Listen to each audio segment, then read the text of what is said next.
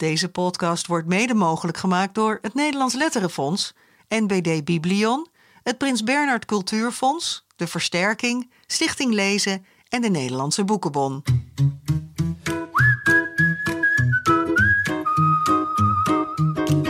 Buiten hangt de lente in de lucht en hier binnen in kinderboekwinkel Kiekeboek hangt ook iets in de lucht, namelijk een goed gesprek met een gast uit Vlaanderen. Welkom bij de 68ste aflevering alweer van de Grote Vriendelijke Podcast. Mijn naam is Jaap Frieso en wie onze vorige update heeft beluisterd, die weet dat ik nu niet alleen ga zeggen dat ik recensent van jaapleest.nl ben, maar ik ben ook van het Dagblad van het Noorden en Leeuwardenkrant, Bas. Ja, absoluut. Ja, Bas, dat is nu tegenwoordig mijn uh, conculega, Bas Maliepaard. Hij is van een andere krant, het Dagblad Trouw. Ja, we kijken heel anders naar elkaar. Hè? Zeker, zeker. Ja, ja. Hey, eh, na onze gast van vandaag hebben we echt misschien wel heel lang uitgekeken. Al wel sinds de podcast begon, dachten we van... Het zou toch wel leuk zijn als we die eens konden eh, strikken. Ja, absoluut, Dat is wel absoluut. fijn om te horen. Ja, je hoort, je hoort Je, je hoort de gast al. Eh, nee, daar daar hebben we echt heel erg naar uitgekeken. Maar op een nieuw boek van haar moet je nu eenmaal telkens wel een paar jaar wachten. Haar vorige boek Eén Mens is Genoeg verscheen eh, zes jaar geleden, geloof ik. Hè? En het eh, boek daarvoor, Allemaal willen we de hemel, weer bijna zes jaar eerder. Acht jaar geleden. Oh, echt acht jaar geleden al? 2014, Zo. is genoeg. Dit Ja. wordt wel spannend, want mensen gaan nu denken... wie is dit, die vrouw die, die al het horen Zo heeft? alles direct. Nou ja, maar goed, over Allemaal willen we de hemel. Een oorlogsroman, hè, hoorden we onze luisteraars haar, haar al even in de 62e aflevering van de GVP. Onze pakjesavond podcast. Omdat het boek op nummer 83 in de Grote Vriendelijke 100 eh, stond. En nu is er de roman De rest van ons leven. Die ligt hier op tafel. En u hoorde net al Els Beerten. Els welkom, Beerten, Els. welkom. Dankjewel. Ja.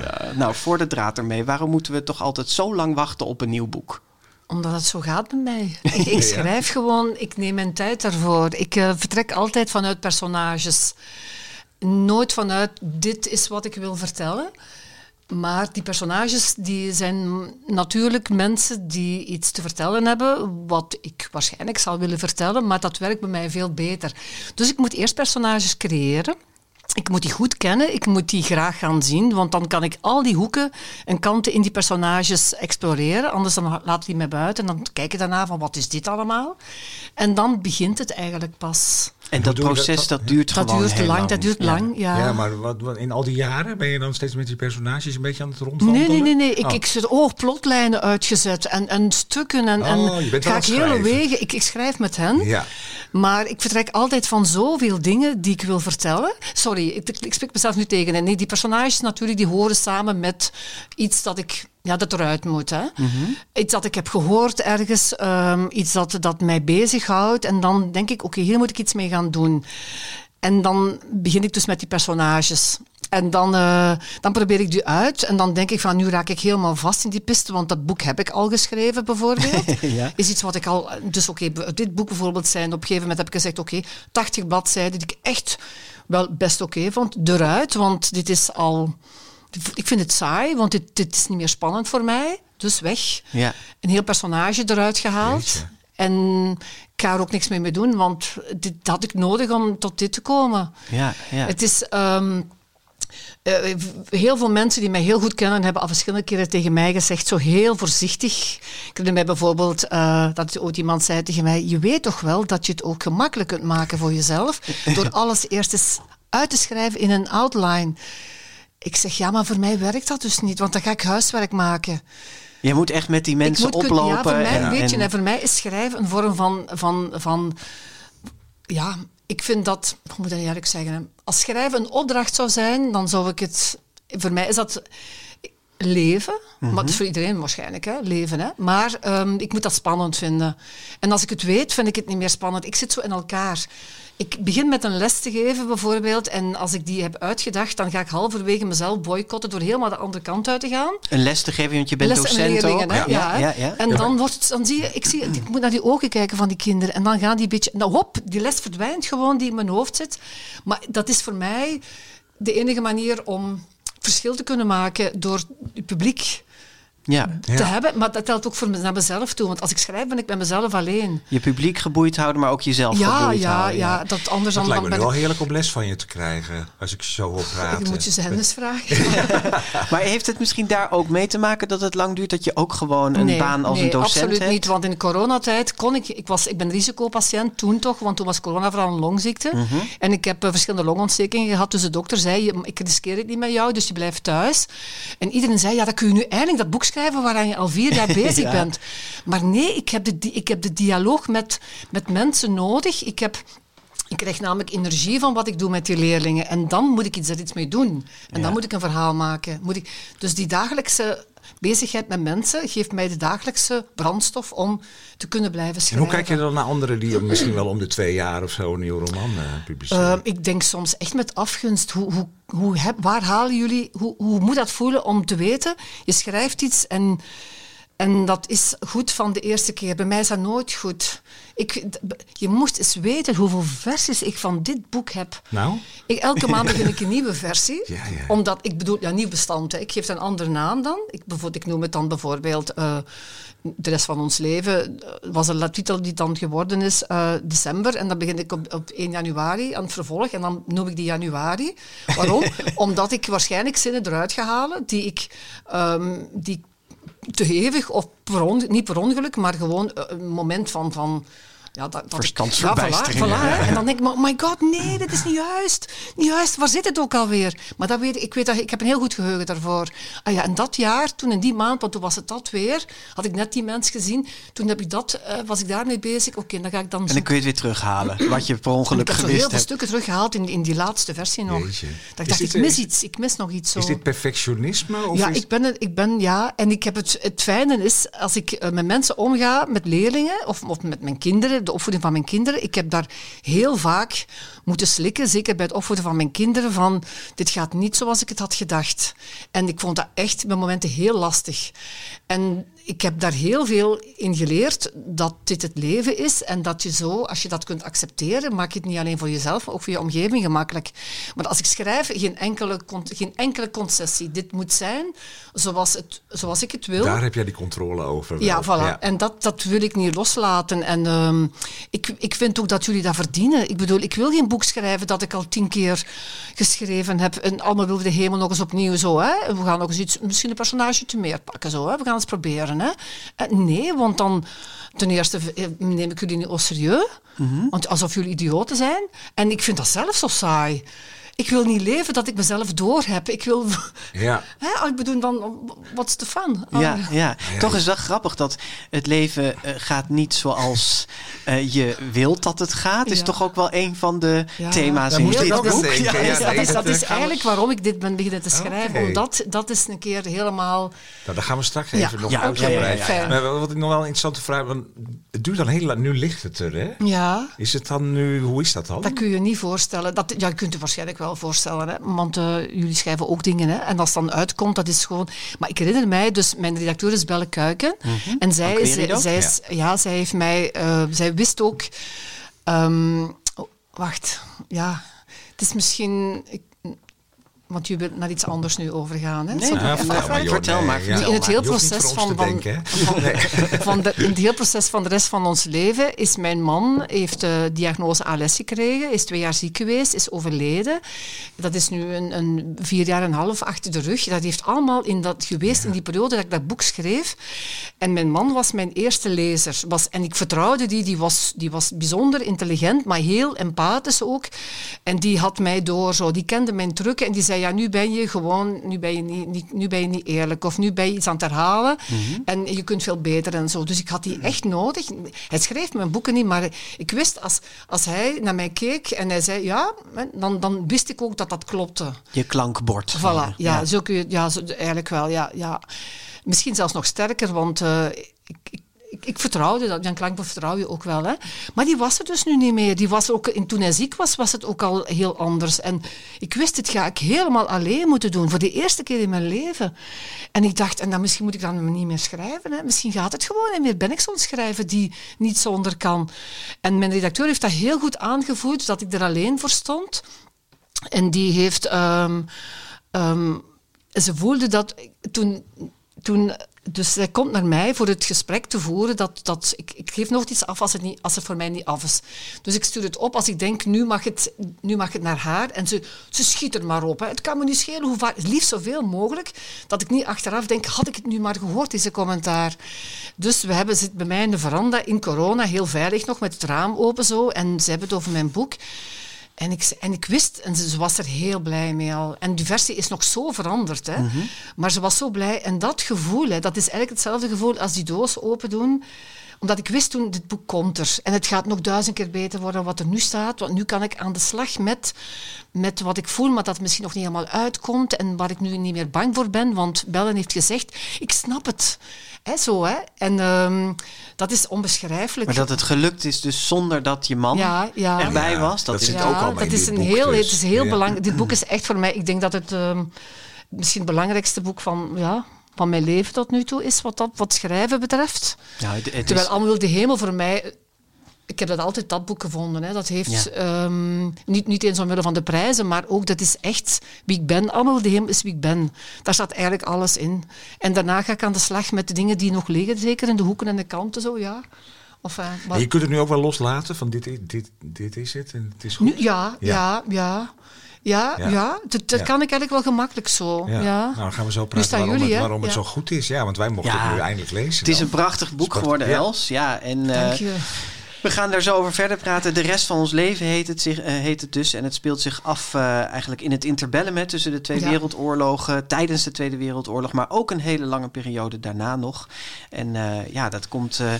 eh, ja, door die hele oorlog in Oekraïne heeft het ook opeens een soort lading gekregen weer toen wij het lazen. Absoluut. Ja. Die, die, Ja. die het misschien zonder die oorlog ook weer niet had gehad. Maar goed, oh, daarover later meer. We gaan eerst eh, naar de boekentips. We Ja. gaan naar de boekentips en dit is een eh, een rauw realistische boekentip. Het heet eh, Vliegen van Paulien Wijkamp. Een nieuwe collega bij jou uitgeverij, die echt Querido? wel, nou ja, Ja. Die, die, die komt wel een beetje uit de lucht vallen, zeg maar. Ja. Hè? Dus zo'n- zo'n debuut bij. Querido. Dat je denkt, eh, ja. nou ja, die is er ineens. En ehm, bij uitgeverij Querido denk je dan wel van, die kijken heel kritisch naar. Dus dan heeft het wel misschien een soort kwaliteitsstempel al van tevoren. Maar dat maakt dit boek ook echt waar, eh, vind ik. In ieder geval is het echt heel goed eh, geschreven. Het eh, gaat over een Turks-Nederlands gezin. Dus een Turkse vader, Nederlandse moeder. Die hebben drie zoons. Eh, een tweeling, Umut en zijn broer. En zijn broer is eh, zwaar eh, gehandicapt geraakt bij een ongeluk. En dat hangt heel erg boven dat boek. Dan gaan we via flashbacks komen we erachter hoe dat gegaan is. Waarom Umut daar zo'n schuldgevoel over heeft. Waarom dat in die familie zo'n rol speelt. Nou, dat, is, dat is op zich al een prachtig lijntje, vind ik. Ook hoe die liefde tussen die twee broers op een of andere manier... terwijl die, die broer kan niet meer praten, die kan ze niet meer uiten. Dat is ook heel lastig allemaal. Maar toch is er een soort die tweelingverbintenis zit daarin. Nou, dat is heel mooi. Het boek gaat al... En hij heeft nog een broer die heel intelligent en nerdy is... en heel goed De op school. studiebol, hè? De studiebol, wat ja. natuurlijk heel irritant is. Want Oemoed gaat zelf helemaal niet zo lekker eh, op school... en verkloot heel veel dingen. Hij, eh, we volgen die Oemoed. En eh, ja, dat is gewoon een prachtig personage. Weet je, die... die Nou, het begint eigenlijk met een, met een heel spectaculair iets. Want hij maakt, dat kunnen we wel weggeven, want dat is Ja. een beetje de start van het Ja. hele verhaal. Hij maakt een beetje onder druk van zijn vrienden in de buurt. Het zijn een beetje van die hangjongeren die in zo'n flatwijk op, op die bankjes hangen en aan het roken zijn en drinken en meisjes versieren. En die vrienden die dwingen hem eigenlijk om de auto van zijn eigen vader eh, te jatten en daar een joyride in te maken. Ja. En die joyride die eindigt Die tegen een in de vrachtwagen. prak. Ja, en dan in de buurt weer van, het, van de fabriek waar zijn vader werkt. En eh, nou ja, dat is een beetje ook symbool, staat het al bijna voor gewoon het ongeluk, de pech, de, eh, die, die om die jongen heen hangt. Terwijl hij tegelijkertijd ook het allemaal zo ontzettend graag goed wil doen. Dus hij wil dit ook weer heel goed doen. Dus hij gaat, want die vader blijkt niet verzekerd te zijn. Dat geeft dan ook maar weer weg. Dus het is een enorm drama. En hij gaat dan een baantje eh, zoeken om, om dat geld voor die auto weer terug te betalen. En eh, dus dat is ook weer. eh, Die jongen is ook heel goed. Weet je, dat is maar ja, een beetje ondanks zichzelf eh, sukkelt hij zo door het leven. Eh, ja, en, en, en het is een liefdesverhaal ook. en er zit een prachtig liefdesverhaal in. Ja, hij doet een baantje, dan komt hij bij een soort plantsoenendienst. En dat is in de buurt van een... Ja, daar komt hij een meisje tegen. Een meisje dat niet praat, maar waarmee hij op een bankje zit. En waar hij meteen vlammend mee Ja. heeft, zeg maar. En Nou ja, dat is ook een hele mooie Er zit nog een hele criminele lijn in Ja. ook, die hem een beetje te pakken neemt. Het vliegen, de titel, dat slaat niet op, op vliegen met vleugel, of dat zou je ook kunnen denken, maar het slaat ook op de, de vlieg als insect. Ah. Ja. En eh, eh, de metafoor die eigenlijk in het hele boek gebruikt wordt van eh, dat eh, de verschillende personages zich gevangen voelen in een Ja. spinnenweb, als een vlieg in een spinnenweb. Daar Ja. komt het op neer. Ja. En ehm, ja, maar het mooie vind ik wel dat het allemaal niet... Het is dus niet vreselijk uitzichtloos of... eh, Nee. Hè? Het is Mhm. eh, helemaal zwart of somber. Maar je, ja, je kan heel wel heel goed meeleven met die opmuts. Dat je denkt, ja, ach, hè, Echt een gebeurt dit tragische held eigenlijk. Zo. Een tragische held, daar ben je ook, Beetje een tragische sympathiek. held. Zo. Ik weet Ja. niet hoe het afloopt, hè, maar nee, eh, nou die afloop is een dat het op goed zich. Daar, daar, daar had ik, ja, zonder daar Ja. iets over te gaan zeggen, want dat is eh, jammer. Maar ik, ik had wat moeite met de afloop. Ik dacht, oh, dat vond ik wel een beetje jammer. Na, Ja. na zo'n mooi boek. Ik dacht, oh, dat had wel Nou, iets dat kan ik me voorstellen. beter Ja. in elkaar mogen zitten. Ja. Maar goed, het is een debuut en daarvan kunnen wij dan heel cliché, maar wel zeggen, veelbelovend. Ja, veelbelovend en eh, de smaak naar meer. Ja, weet je, zo'n deed me denken een beetje aan de boeken van Dirk Visser, waar we ook Ja. wel dol op zijn. Hè? Wat, wat, zo'n rauwe milieuschets en nou, gewoon heel goed gedaan. Vliegen van Paulien Wijkamp. Het is voor 15 plus, denk Ja. ik. Hè? Ja. Ja. Oké, en dan nog een debuut. Ja. Een, eh, een prentenboekendebuut. Eh, Help een verrassing van Mirjam Bos. En Mirjam Bos is illustrator. Ze heeft wel verschillende boeken van andere mensen al geïllustreerd. Maar dit is het eerste prentenboek waarvoor zij eh, zowel tekst als tekeningen heeft eh, gemaakt. In een mooie gemixte techniek van waterverf, krijt. En eh, ja, wat het allereerste opvalt, dat zijn gewoon die spetterende kleuren. Het is echt heel erg eh, ja, mooie, intense kleuren die ze gebruikt. Ja. Sprekende, sprekende kleuren. Ehm, het, eh, eh, het verhaal gaat over een vosje dat eh, een vriendinnetje heeft. Dat is een eekhoorn. En dat is heel leuk dat die twee ook met hun staarten eigenlijk een beetje op elkaar lijken. Dat is een hele mooie grote pluizige staarten die ze heeft Ja, getekend. dat is, vind ik juist heel slim gedaan. Want eigenlijk zijn ze heel verschillend. Ja, Weet ja, je, en precies. ook omdat ze een vosje en eco, maar ook in hun karakter. En daar gaat het boek heel erg over. Dat ze zo'n verschillend karakter hebben. Maar Ja. ze lijken dan eigenlijk best wel op elkaar. De eekhoorn heeft gezegd: we gaan morgen iets leuks doen tegen het vosje. Maar wat? Dat is nog een verrassing. Nou, en daar kan die vos helemaal niet mee omgaan. Dus die gaat van alles bedenken Oh, van: gaan oh, we iets gaan we heel veel andere dieren ontmoeten? gaan we iets wilds doen of Moet iets ik- spannends? Moet ik of, eh, maken? Ik de kleren aantrekken. Ja. iets, iets, iets luids. Ja. Gaan we iets luids doen? Oh, daar kan die ook helemaal niet tegen. En dat Nee. wordt dan ook al verbeeld. Hè? Dan zie je ze al in zo'n soort eh, vliegtuigje van... oh, ik moet iets heel Ja. spannends en engs doen. En dat gaat hij dan allemaal Zijn bedenken. doemgedachten tekent ze Ja. eigenlijk. Ja, hè? Ja. wat zeggen we dan? De, de vos leidt het meest. Door het lijden dat hij vreest. Ja, dat is eigenlijk de, Ja. de, de, Ja. de moraal van dit verhaal. Ja.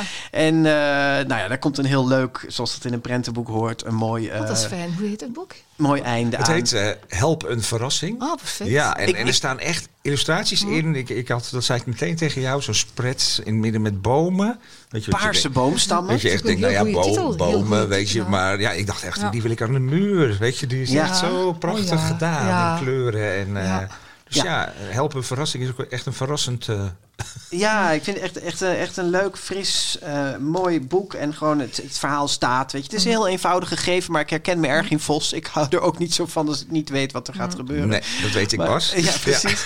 Eh, enige aanmerking die ik er Ik nog ben, op meer heb... Suus, eh, de- ik ben meer Suus de Eekhoorn. eh, Oh ja, ja, ja, Ja, precies. ja. Ja. Ja, jij, bent- Suus en ik ben Ja, August. ja. Eh, enige aanmerking die ik erop heb is dat ik eh, vind dat ze nog iets meer kan gaan variëren in eh, beelden. Het zijn veel volle platen achter elkaar. Dus ik, Ja. ik hou er altijd van als er in een prentenboek ook een soort ritme zit. Dat je weer even adem kan halen en dan weer hè, getrakteerd wordt op een Ja, vol daarom beeld. vind ik die bomen misschien zo mooi. Want daar is juist Ja. wel die rust. Ja. Dus er, eh, dat mag van mij nog iets meer afwisseling. En, ehm, en, en ook qua perspectief. Er zit nu eigenlijk één plaat in die van boven afgetekend is. En voor de rest is het allemaal recht van voren, zeg maar. Ja. Eh, maar dat zijn details. En verder vind ik dat ze heerlijke bosplaten tekent. Met veel, lekker veel textuur in de, in de tekeningen. Met eh, vlekkerigheid en een beetje, eh, nou ja, eh, Ja. mooi boek. Mooi. Dus hartstikke leuk. Lemniskaat.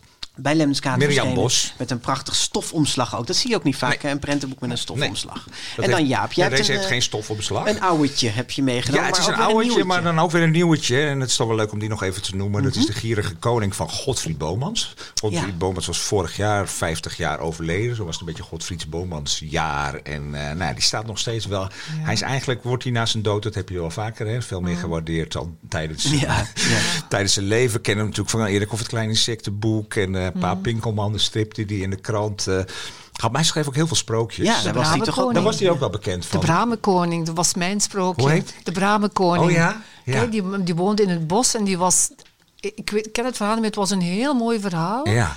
Over een man die, die, die bleef doen waar hij in geloofde. Elk Oh, ja. daar was echt heel Ja. mooi, heel bekend Ja, ook. nou ja, dit gaat over de gierige koning. Mm, En dat is ook wel weer, dat is een beetje zo'n potentaat-type, waar- dat nu ook wel heel actueel weer is. Met al die nare mannen die eh, nare dingen Ja. doen in de wereld. Ja. En eh, ja, dit sprookje is dus blijkbaar, het is niet heel, het is, het is wel eens eerder ergens in gepubliceerd. Maar een is grote toch- bundel Ja, of maar is zo, toch relatief nieuw. En ze hebben daar nu een prachtige uitgave van gemaakt, vind ik, met de tekeningen van Tae King. Weet je, dus dat is, dat is al... Het is, Alleen die cover al. Hoe, Ja, die, hoe, die, fantastisch. hoe die koning kijkt. Ja. Zo'n lijkbleek gezicht, een scherpe neus. This Het is my property. ja, ja, Ja. inderdaad. Grote zak met My geld in zijn armen. Ja, my Ja, dat is dan eigenlijk een beetje een klassiek verhaal over de koning. Nee, die heel gierig is. Weet je, hij wil zelfs de, de pluisjes van het bed en de broodkruimels moeten bewaard blijven. Maar dan komt op een En dag staat de dood voor de deur. Dat gebeurt natuurlijk ook Ja, wel ja. in, in die sprookjes. Elke lik. En de dood zegt van, eh, ja, eh, het gaat slecht met je aflopen. Behalve als je eh, zorgt dat er een, een, eh, een meisje eh, naar voren komt. Hè? Of je een onschuldig meisje aan mij weet te presenteren die voor mij zingt. En die moet dan zingen, zie mij dood goed gunstig aan. Laat mij voor de koning gaan.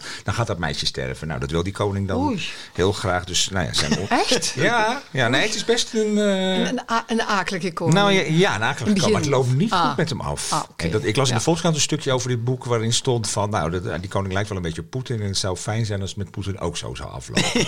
ja. Dus Ja, laten we het hopen. het loopt Ja. niet goed af, weet je, maar het is, nou ja, het is gewoon een fijn, fijn, Ja. fijn sprookje met die Ja. Tae King eh, illustraties die er weer... eh, en eh, ja, ik vind het toch wel knap, zo'n boek, wat, wat is 1935, weet je, dat is toch zo bijna 100 jaar geleden. Dat je dit gewoon nog, kunt, dit hè? kan je echt Ja. heel goed aan je kinderen voorlezen. Is niet Vanaf een jaar of zes of zo. Ja, eh, ja, ja, ja. het is sprookjes. Ja, het is niet te macaber. Het is wel een beetje eh, eng. Dus eh, hartstikke Ja, leuk. Het is, het is door een eenmans uitgeverij die echt voor...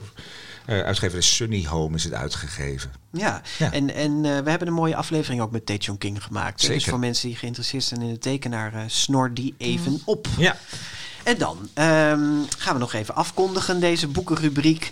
Want deze boeken krijgen, net als jouw roman Els, ehm, een getipt sticker van de Grote Vriendelijke Podcast in heel veel bibliotheken in- en boekwinkels in Nederland en Vlaanderen. En bibliothecarissen en boekhandelaren die nog geen gebruik maken van onze stickers, boekenleggers of de backcard die we ook hebben.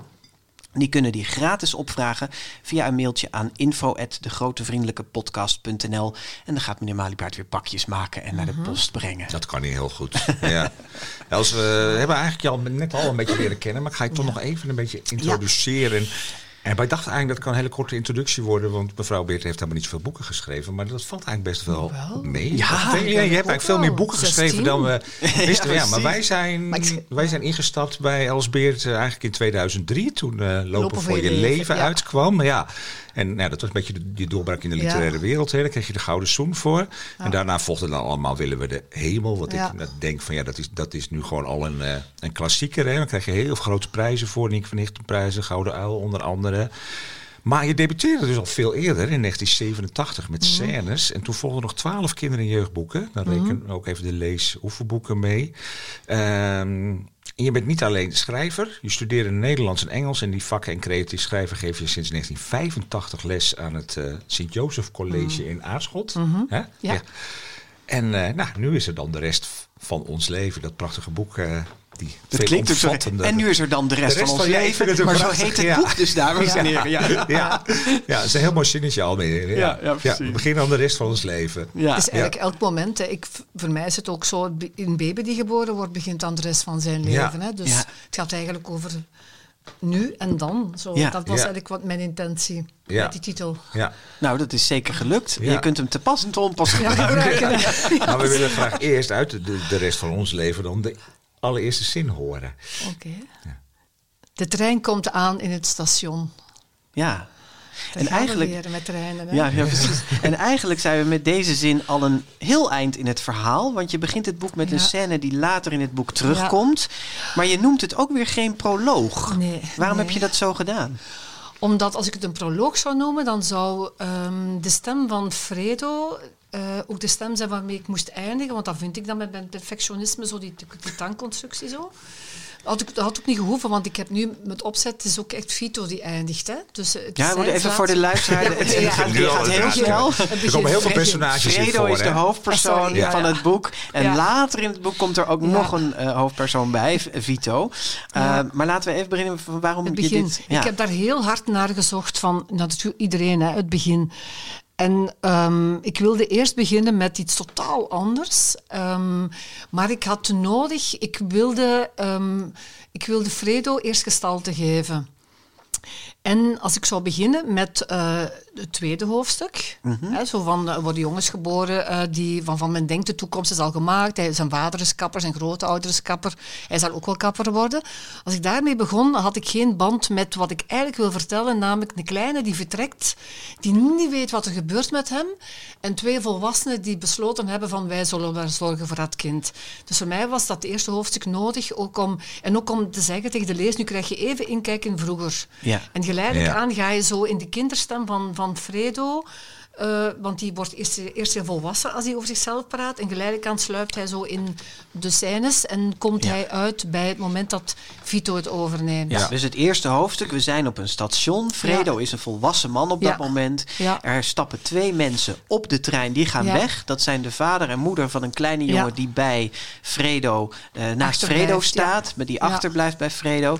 En vervolgens laten we die hele scène achter ons en Ja. duiken we in de jeugd van Ja. Fredo. Ja, komt er een hoofdstuk dat begint met af en toe komt er een kind ter wereld van Ja. wie iedereen beweert dat zijn toekomst al uitgetekend Ja. is. En als je dan goed leest, weet je ook van hé, we beginnen nu. Dat gaat Ja. over Fredo. Ja. Ja, het gaat over eigenlijk ja. overnieuw. Want hij eindigt ook dat ho- eerste hoofdstuk van, maar neem nu dat van mij. Ja. En zo van, ja, dat is een, wat, wat weten we? En zo, neem nu mijn leven, hoe is dat gelopen? Hè? Ja. Dat wil hij, Ja. eh, Ja, Dus dan begint eigenlijk Ja. de, de terugblik. Ja. Hey, achter in het boek eh, bedank je een Natale Giuliano, Giuliano, ja, ja. wiens levensverhaal de aanzet was om dit Ja. boek te schrijven. Staat erbij, hoe zit dat?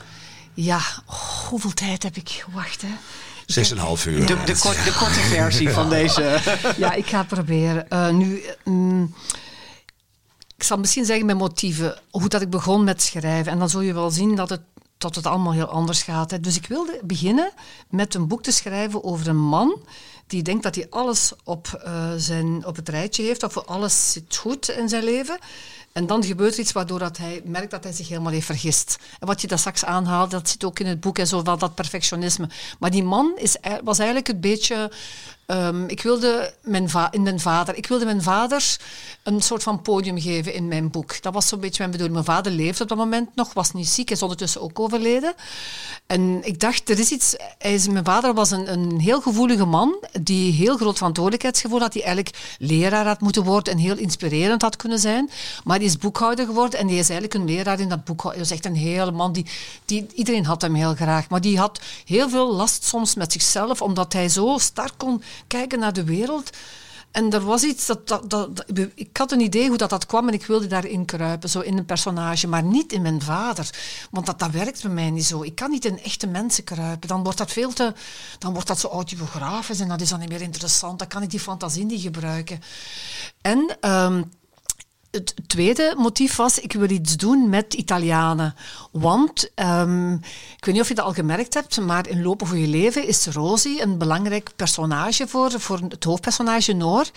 Eh, Nicola in, het, eh, in Allemaal Wilde Hemel is de Italiaan die eh, de liefde, die, die, die chef doet voelen van, ik hou van... Hij, hij beseft het niet helemaal, maar hij is zo gelukkig bij die Nicola. Die, die man die, die maakt iets wakker in hem. En die is ook een Italiaan. In Eén Mens is Genoeg had ik echt een Italiaan willen schrijven, maar ik kwam niet verder. Ik vond, dacht, nee, Elsa gaat gepoppenkast spelen.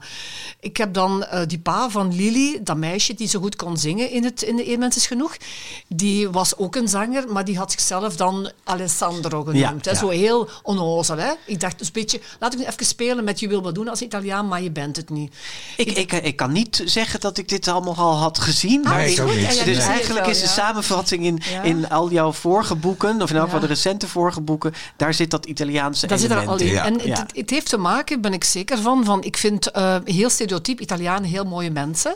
Maar ik was een, als kind woonde ik in een dorp, echt een dorp. Een dorp waar bijna niks was, want, want mijn ouders hadden een, een huis gebouwd uh, op een klein stukje grond aan het einde van een zandweg waar niks was, geen voorzieningen. Daar begon een bos.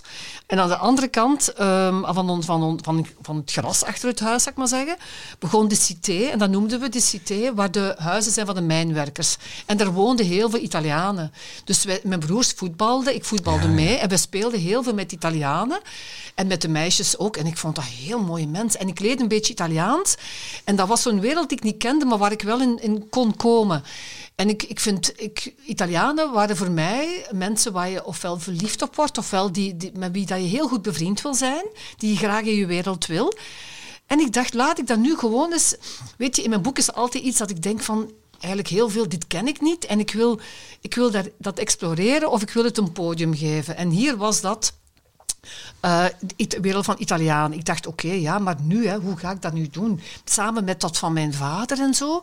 En wat ik ook nog wilde, was... Um, uh, dat is mij dat is, ik, had een, een, ik heb nog altijd dezelfde huisarts. En uh, die man, zijn vader, is als kind na de Eerste Wereldoorlog naar een dorp gekomen bij ons in de buurt vanuit Wenen, waar hij het kind was van een groot gezin, helemaal vermaken naar de Eerste Wereldoorlog. Het kind had echt buitenlucht nodig.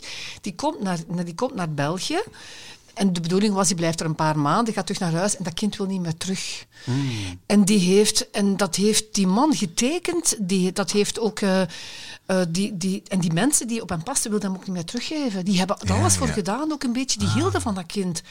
En dat is, dat is zo moeilijk geweest. Op een gegeven moment is hij toch teruggegaan. En zijn ouders hebben toen gevoeld van hij gaat dood als hij bij ons blijft. En dan hebben ze hem moeten loslaten. Kijk, ik heb er kippenvel van.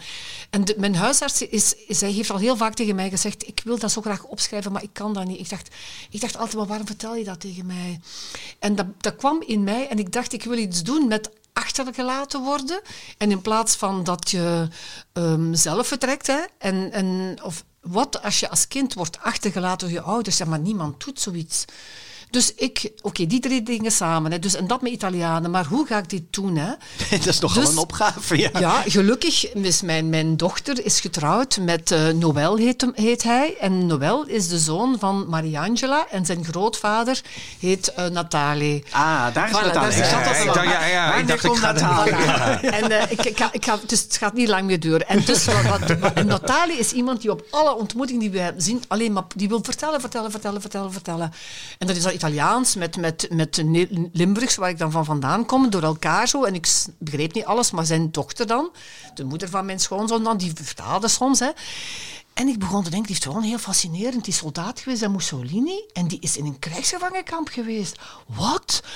Als Engelsen hadden die dat. Ah ja, natuurlijk hadden die dat. En dan zijn die, is hij daar naartoe moeten gaan, naar Bombay. Is hij dan naar, naar Engeland gebracht op een schip zo. Um, die heeft daar van alles meegemaakt my god, misschien kan ik daar iets mee doen. Misschien kan ik uh, zo verder met, met mijn verhaal, want ik wil het laten eindigen in België en dan ging het eigenlijk pas beginnen. Hè? Dus alles wat ik nu aan vertel is allemaal voorgeschiedenis. Ja. Ik zo misschien, boah, ik had gedacht 50 bladzijden en dan begint het boek echt. Hè? In België, waar dan iets gebeurt en dan gaan ze daar een lang leven leiden en alles komt natuurlijk goed op het einde. Dat was mijn plan. Maar ik ontdek zoveel in mijn research, want wat gebeurt er dan? Ik, zit nog in mijn, ik, ik zie het nog zo voor mij staan, ik weet nog het licht. Ik typ op mijn computer uh, Italians in England, uh, World War, om te kijken wat komt daaruit.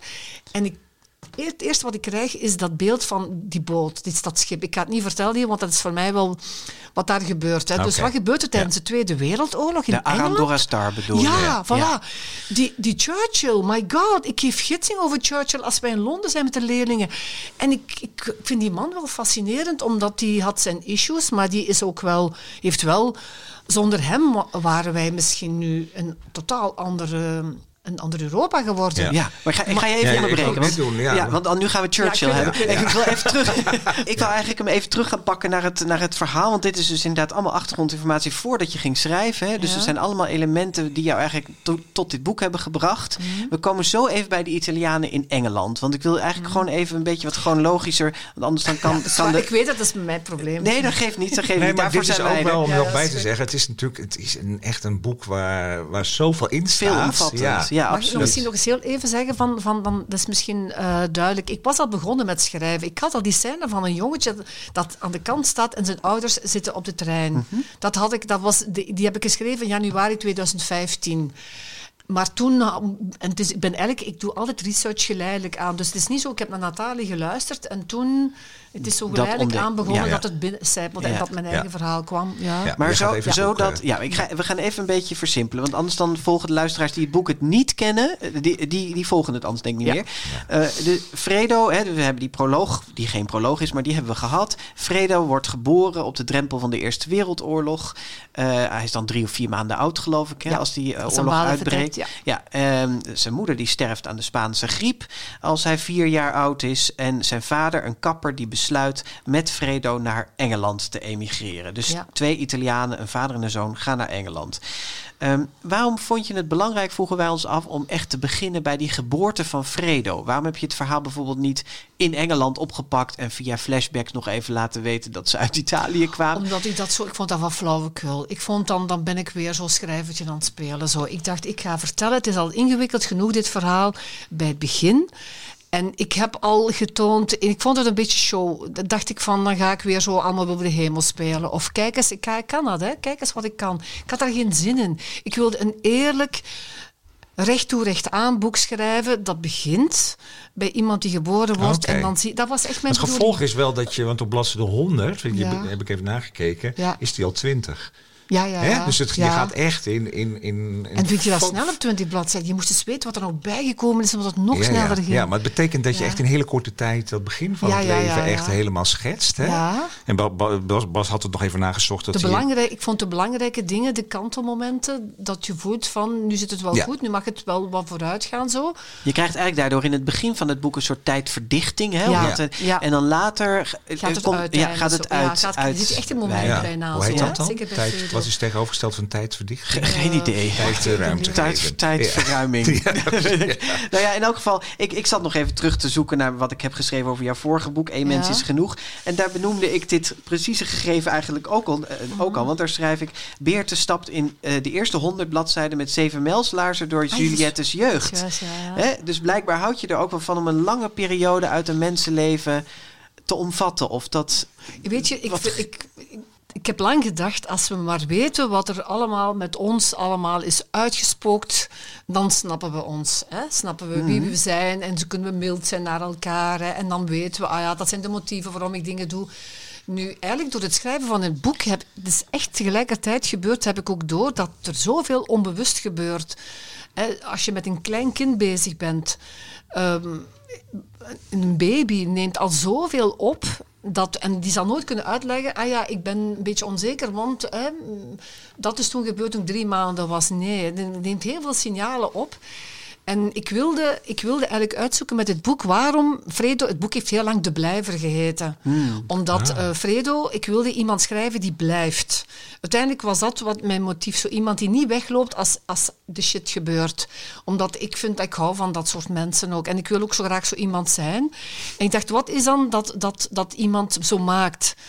En wat gebeurt er dan als er iets gebeurt zoals je ouders vertrekken naar het Ik wilde, ik wilde zowel dat Fredo zo iemand, dat ik van zo iemand maken, en ik wilde ook dat, dat Vito zo'n kind zou worden. Ja. Dat, die, dat, dat de wereld instort, bij wijze van spreken, maar dat je eigenlijk wel weet, dat komt wel goed met dat Ja, kind. Zo. Dat, ja. Ik zou zo graag, dat wilde ik uitzoeken, maar daarom had ik dat toch, dat leven nodig. Wat in hem leven gebeurde, zodat jij, zonder dat ik het uitleg, doorheb, ah ja, natuurlijk is Fredo weer is, want hij heeft, dat is in zijn leven gebeurd. Ja, ja. En Dus een van die dingen die dat- gebeurd dat is dat hij dan met zijn vader naar Engeland... Voilà, eh, nee, en vooral dat zijn vader altijd bij hem... Zijn vader heeft alles gedaan voor hem, maar niet op een manier van ik offer mezelf op. Hij heeft wel altijd dingen gedaan die hij zelf goed kon. Ja. En, en hij moest weg uit, uit Engeland, want hij, uit Italië, sorry, want hij, het, het ging niet. Die schoonmoeder zat daar op zijn kap te kijken. Eh, hij, hij kon daar geen werk vinden. Mussolini kwam er al aan en daar daar heb ik wel nog niks over geschreven, want dan was het te uitgebreid zo. Maar Maar dat is de reden om te, om te emigreren naar, de naar armoede werd enorm groot. En ook de, de, de grote eigen... dus op een gegeven moment staat ook in het boek van... eh, de, de vakbond die is even opgekomen, maar die is meteen neergeslagen door de grootgrondbezitters en ook door de fabriekseigenaars. Omdat, uh, en Mussolini wist ook heel goed dat uh, als hij die aan zijn kant kreeg, dan had hij ook meer macht. Hè. Heeft e Mussolini heeft even, eerst even gedaan, ik ben de man, de socialist die voor het gewone volk is. En even heeft hij de arbeiders meegekregen, maar daarna heeft hij direct zijn, zijn, zijn vlag aan de andere kant gehangen. Ja. En, ja, en dus in, in, in, die, in die sfeer vertrekken zij ja, naar, voilà, Engeland. vertrekken ze naar Engeland. En ja. uh, zij voelen zich uh, thuis in Engeland, maar ze blijven Italianen. Ze blijven hè? Italianen. Ja, we gaan dan even Ja. naar het eerste voorleesstukje. Ja, dat, vind ik leuk inderdaad. Om even ook wat te horen van het boek. Um, wil je een stukje voorlezen waarin die spanning voelbaar is? Uh, Ja. Want het gaat ook heel erg over hè, je eigen identiteit bewaren Ja. of hè, assimileren of integreren. Of, nou ja, Ja. En dit, dit stukje dat, uh, dat gaat... De vader van Fredo heeft gezegd van je mag met die klant praten, maar je moet Ja. nooit zelf Ze hebben een kapperszaak. Ze hebben een kapperszaak. Ja, en Fredo werkt daar ook. En je mag wel met die klanten praten, maar je moet niet met ze over politiek praten. Nee, je niet moet over, maar een beetje niet over politiek. Ja, En- en als zij vragen van Ja. eh, wat je van vrouwen vindt, dan moet je ja, maar moet zeggen je me- Italiaanse vrouwen. dat je? Italiaanse Ja, vrouw. voilà, Ja, en daar begint dit stukje. Ja. Als ik op een dag de vraag krijg hoe dat zit met mij in de liefde, zeg ik dan ook: Italiaanse vrouwen zijn de mooiste. Met een donkere blik kijkt de klant mij aan en het scheelt niet veel of hij duwt de schaar uit mijn handen. For God's sake, wat heb ik verkeerd gezegd? Is dat wat je vindt? zegt hij. Hij snuift. Ja, waarom blijf je hier dan nog? Het is de eerste keer in al die tijd dat iemand mij die vraag stelt. De allereerste keer. Ja, ik, ik woon hier al twintig jaar, zeg ik. Zo lang al. Hij laat het als een schande klinken. Een zweer die al jaren in het lijf zit te kloppen. Een worm die zich een weg naar binnen vreet. Ik zwijg en knip verder. Dat had hij blijkbaar niet verwacht. Eh, dit heet hier trouwens Engeland, zegt hij. Verwonderd kijk ik hem aan in de spiegel. Niet Italiaanland, zegt hij. Ik stop met knippen. Ja, je kunt het eigenlijk als migrant dus nooit goed doen. Hè? Als je zegt van Nee, de heel- Engelse vrouwen zijn de mooiste, dan zit je Ja. achter hun vrouwen aan. vrouwen aan, ja, ja. Als je Ja, zegt ja. de Italiaanse zijn de mooie, dan Ja. ben je niet Engels genoeg. Ja, voilà. vind ja. de Engelse vrouwen Ja. stom. Maar ja. Ja. Dat dilemma, dat, dat schets je niet alleen in deze scène, maar in heel veel andere scènes ook. Hè. Wilde je dat ook heel erg laten Het was zien? heel, ja, ik wilde, ik had eigenlijk eerst een sprookje in mijn hoofd. Van in Engeland gaat alles goed en dan komt die Churchill en dan komt die de regel van de oorlog en dan gaat alles fout. Dat was eigenlijk mijn opzet. Maar ook door die research te doen en met Italianen te praten, in zowel in België als in Engeland. Ik ken heel veel, ehm, en ondertussen had ik ook al heel veel, wist ik al veel over het racisme dat Italianen, vooral toen ze hier kwamen, meemaakten in België, was echt heel groot. Was echt herkenbaar met mensen die nu toe komen. Dezelfde vooroordelen, dezelfde clichés, ze stinken, ze zijn vies, ze komen onze vrouwen, ze profiteren van ons hè, en dat ze maar weggaan. Dus dat, dat, dat hebben die ook allemaal gehoord. Maar ik dacht, in Engeland is dat misschien anders, dacht ik. En dan ben ik zo gaan graven daar en dat was exact hetzelfde. En dat was de reden waarom ik eerst mijn boek in België wilde laten aflopen, om het duidelijk te maken. En dan gaan ze naar het beloofde land en daar gaat alles fout. Dus ik dacht, nee, dat zit er al van het begin in. Dus ik ben er gaan zoeken en uh, ik vond dat heel... Um, de, je hebt ook over de kristalnacht, je weet, de Joden, waar dus de, de, dat hetzelfde is gebeurd met Italianen in, in Engeland toen nog geen sprake was van dat Mussolini... Uh, Um, mee zou doen met Hulde met Engeland. Hitler. Men was ja. gewoon bezig met, met gooide soms de ramen in van, van, van, van pizzeria's, van, van ijs, ijs uh, van winkels waar ze ijs ja, verkocht, en van terug fish naar and het boek chips. dan. Hoe gaan Fredo en zijn vader hiermee om? Ja, hij, zijn vader heeft altijd gezegd van het begin, het is hem ook aangeraden, doe normaal. En wat is normaal doen, val niet op. Hè? En dan zegt de kleine zo heel, op dat moment is Fredo nog heel jong, ja, mijn papa spreekt Engels, hè? dus we zullen niet opvallen. Maar die vader die wilde zelfs eerst Engels worden, call me Pete, zegt hij. Maar iedereen zegt maar nee, hè, wees maar gewoon, dat is exotisch, hè. we gaan naar een exotische kapper. Ja. Dus, en ik, dat moest er voor mij heel erg in, want bijvoorbeeld Fredo blijkt een goede bokser te zijn. En hij zou kansen gekregen hebben. En wat blijkt dan? Hij heeft geen, hij heeft geen, ident, hij heeft geen Engelse identiteit. Hij heeft geen Brits paspoort. Hij mag niet meedoen aan de Dus hij mag daar wel ja. zijn. Hij mag daar wel uh, mee betalen aan alles. En, en, en zijn best doen voor het land. De mijnen inkruipen ook, maar dat deden ze. Maar ze krijgen wel geen beurs voor hun talenten. Je moet... En ik dacht dan, als onnozele Belg die denkt van... ja doe dat toch gewoon. Wat is, maakt dat nu uit? Maar dan heb ik gevoeld... Ik heb, ja, dan, dan voel je van... Hoe, hoe, hoe, hoe ongelooflijk, wat een heel groot dilemma dat is om op te geven van waar je vandaan komt. En het is een beetje hetzelfde wat, en ik vind dat aan mijn schrijverschap, um, vind ik dat een, zo een, een, een um, een meerwaarde. Kijk, als ik alles op voorhand had bedacht, had ik dat nooit kunnen voelen, want dan had ik al bedacht wat ik wist en dan ging ik dat toepassen in mijn boek. Maar dus ik kruip in levens die ik niet ken en ik, kan, ik heb daar geen mening over. Ik kan alleen maar aanvoelen zoals ik ook niet kon aanvoelen wat het was. Bij Allemaal wilden de hemel, dat die jongen naar het Oostfront gaat, die, die verstand heeft hè, en die een lief heeft dat zegt je gaat niet. Kon ik hier eigenlijk ook niet aanvoelen. Wat voelt dat hoe moet dat nu voelen om Italiaan te zijn? En, en toch nee te zeggen tegen, tegen dat paspoort. Want die gaat de deuren gaan opengaan. Want die, die, die, Ja. die pater doet dat dus wel, hè, die pastoor. En dan zeggen mijn Italiaanse informanten, die jong zijn en die in België zijn, die zeggen, je hebt er geen idee van, zeggen zij. Dat is gewoon, dat is gewoon je verlogent, je afkomst. En ik kan nu eens een heel, het is heel macron, maar ik kan zeggen, maar ik ben Limburger van aard. Hè, en ik woon al heel lang in Brabant. Hè, maar als iemand de Limburgers uitlegt, doe het niet. Hè. Ik kan daar niet tegen. Nee. Je lacht niet met mensen zo. En je lacht niet met de grond van waar ze komen. Want dat is de bodem die, die, jou, die jou gevormd heeft. En als je die gaat logenen, dan logen je ook alle keuzes die je maakt. Hè. Ja, ja. en. Ik, ik, dat vind ik zo'n kostbaar iets om te, te- weer te begrijpen dat ik het... Wie ben ik om meningen te hebben over mensen? En hoe, hoe onrechtvaardig kunnen wij toch zijn omdat we iets niet begrijpen? Je moet doen zoals wij, maar nooit, dat staat er ook in. Je kunt nooit doen zoals iemand. Maar daar gaat het heel erg over. Ja. Hè? Van, Ja, eh, ook, accepteer toch gewoon, pak gewoon alles mee. Dat staat, Ik heb gezien, het staat hier Maar al. uiteindelijk gaat het heel erg over dat van waar voelen ze zich nou eigenlijk... Waar, waar, waar voel je je nou eigenlijk thuis? Ja, ja, ja. Nou ja, en wat, wat ik ook wel vind is dat eigenlijk, hè, eh, je zegt al een paar keer eh, Mussolini, Churchill, de, de Tweede Wereldoorlog breekt Ja, uit, hè, terwijl ja. zij in Engeland wonen. Daarvoor heb je nog een beetje dat exotisme, hè, dus Ja. de Italianen, Ja. daar kun je lekker ijs halen, dat Ja. zijn goede Ja, kappers, ja. noem maar op. ja, voilà. Maar dan, eh, ja, dat, eigenlijk de onverdraagzaamheid die er misschien onderhuids Ja. wel is, Ja. naar een, een buitenlands volk, wordt dan op het moment dat die Tweede Wereldoorlog uitbreekt, Ja. al krijgt opeens hele scherpe Ja. randen. Hè? Ja. Want Ja. dan eh, gebeurt er iets. Ja, dat is een episode waar je hebt er nu al een paar keer eh, Ja. eh, naar verwezen in wat je net verteld hebt. Maar dat is, moeten we misschien nog iets beter uitleggen. Want wij kenden dat allebei niet. Hè? Nee. Die, dat er dus op het moment dat Mussolini in Italië zich Ja. achter Hitler schaart, Ja. dat eigenlijk alle Italianen die in Engeland wonen Alle, verdacht hè. worden. Vanaf 16 of 17, wat is, want ik heb het exact opgezocht, 16 tot 17 denk ik.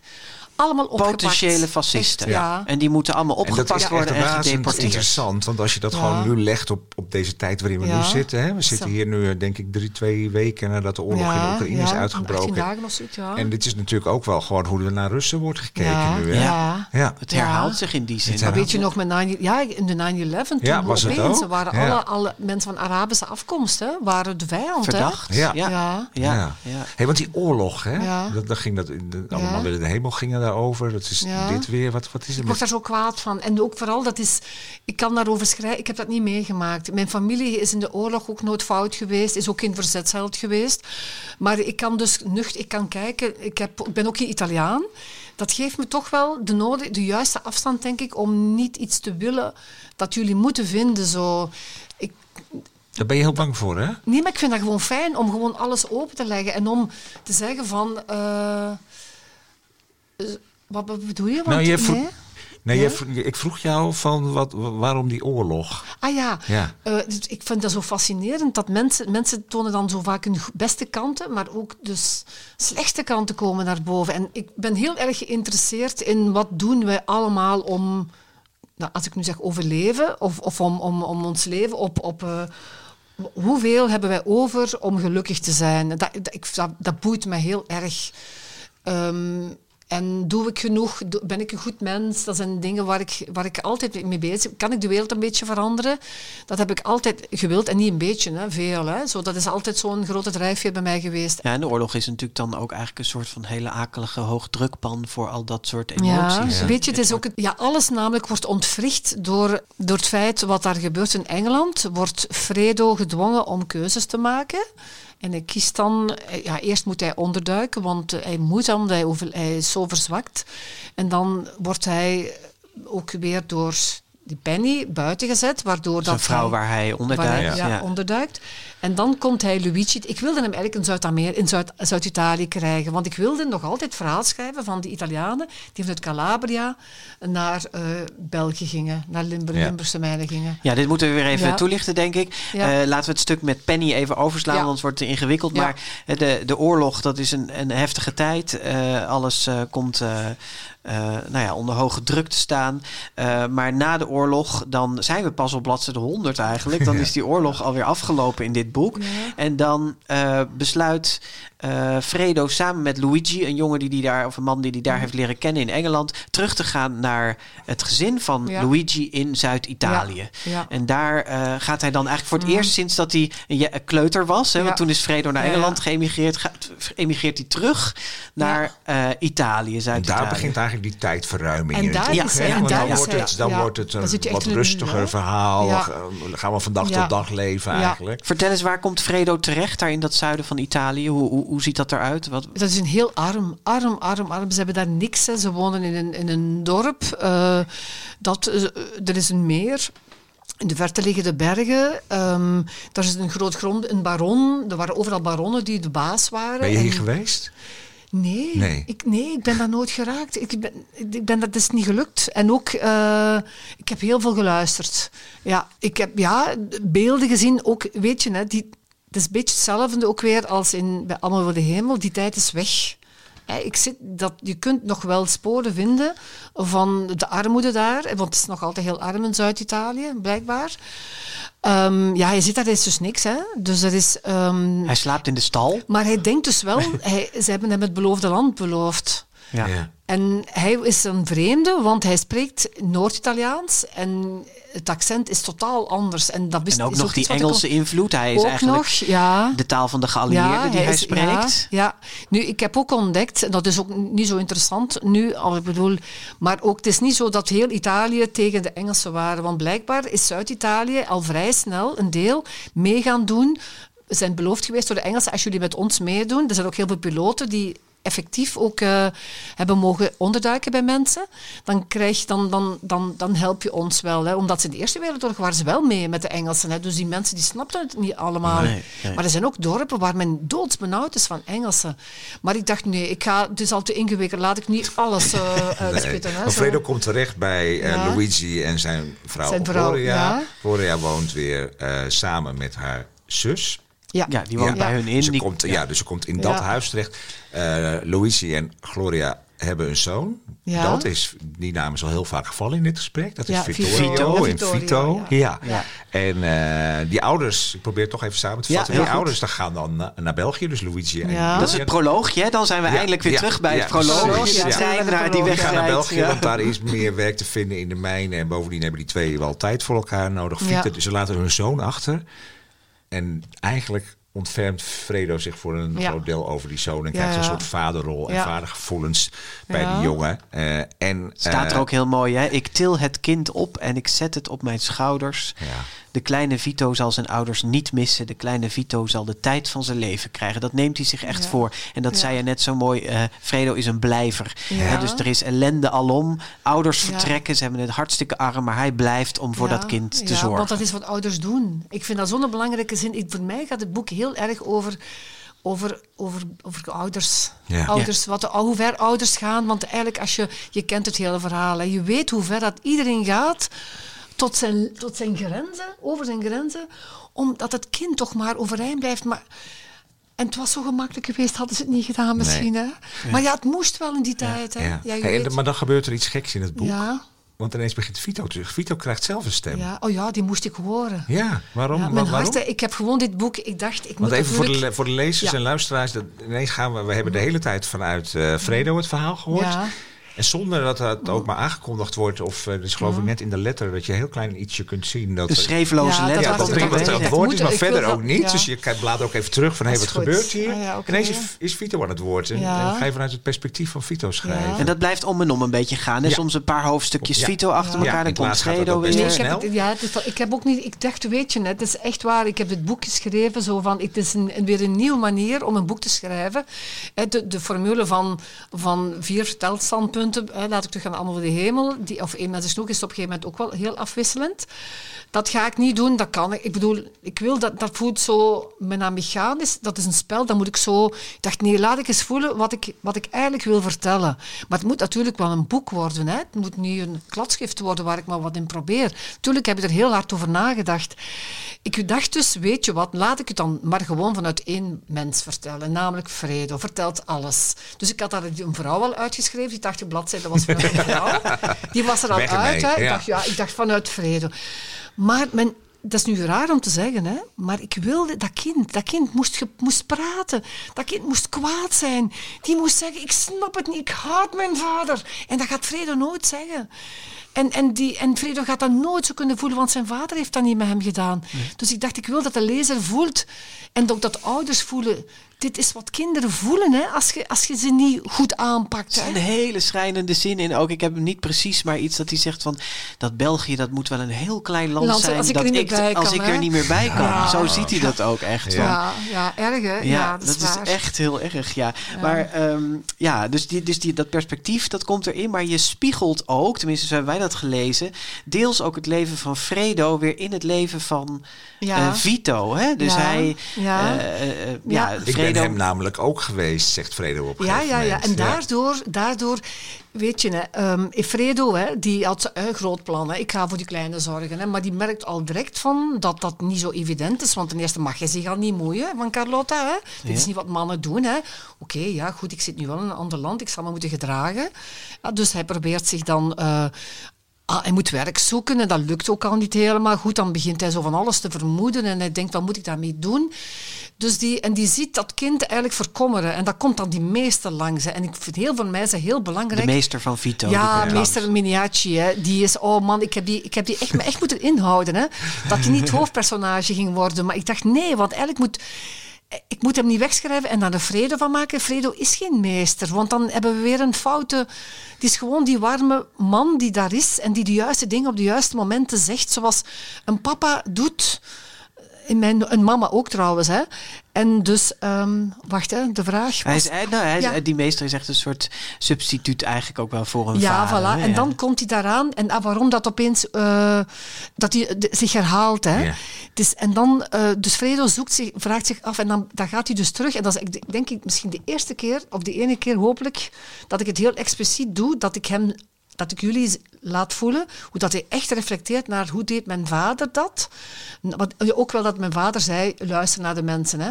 Dat is ook wel op een gegeven heb je het moment Fredo, over, hè. ja. Ja. En dat hij dan denkt, ja, mijn vader, dat was geen held. Hè. Die deed geen stoere dingen. Hè. Maar wat deed mijn vader? Wat, wat hij goed kon.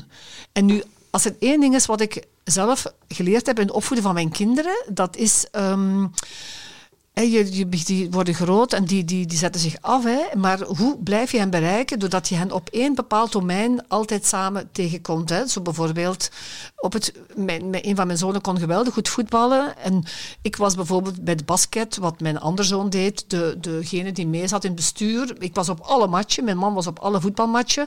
Zodat er zo dingen waren, of beschreven, ik schreef met mijn dochter schreef ik samen verhalen. Gezamenlijke... Ja, iets gezamenlijk. iets en dan, dan, dan kun je dingen delen. En dan, dan, dan kun je dingen doorgeven zonder dat je les aan het leren geven bent. Ja. Ik dacht, Fredo, die, die gaat hem gewoon leren boksen. En, en het gevoel geven van... Maar niet om bokser te worden. Want dan zou ik... Nu ga, dan zou ik loop of je leven schrijven. Hè? Hè? Doe maar een sport en je komt er. Hè? Ja, ja, ja. Nee, ik dacht, dit, maar dit is zoals het gaat. Heel subtiel, via, via, via kleine dingen... Ja. redden mensen het wel. Vito die eh, mist zijn ouders vanzelfsprekend, hè, Ja. die in België bij de mijnen zitten. Eh, eh, Fredo, eh, hoe dat komt gaan we niet uitleggen, maar Fredo mist zijn eigen vader ook Ja. heel erg. Dus het gaat ook heel erg over verlies. Ja. En je zou kunnen zeggen dat de soundtrack van dit boek eh, We'll Meet Again is. Een liedje van Ja, Vera ja. Lynn, heel beroemd geworden in de Ja. oorlog. Nou, when. Meet again some sunny day. day, Laatste ja. hoofdstuk. Ja, Ja. prachtig, ja.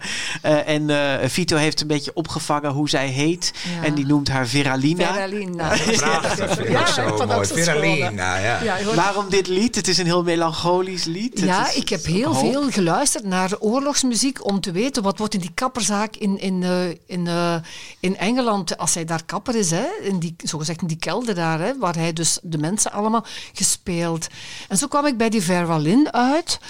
En toen dacht ik, ja, ik, ja, ik dacht, dat is toch iets bindend zo. Dat, eh, ja, dat is ook een beetje een dat, ik vind dat lied bijvoorbeeld, wat ik daar zo erg aan vind, is van um, We'll meet against on some day. Ja, sommige mensen komen hier niet meer terug, maar dat is wel blijkbaar het verlangen Ja. dat je nodig hebt om te kunnen vertrekken. Ja.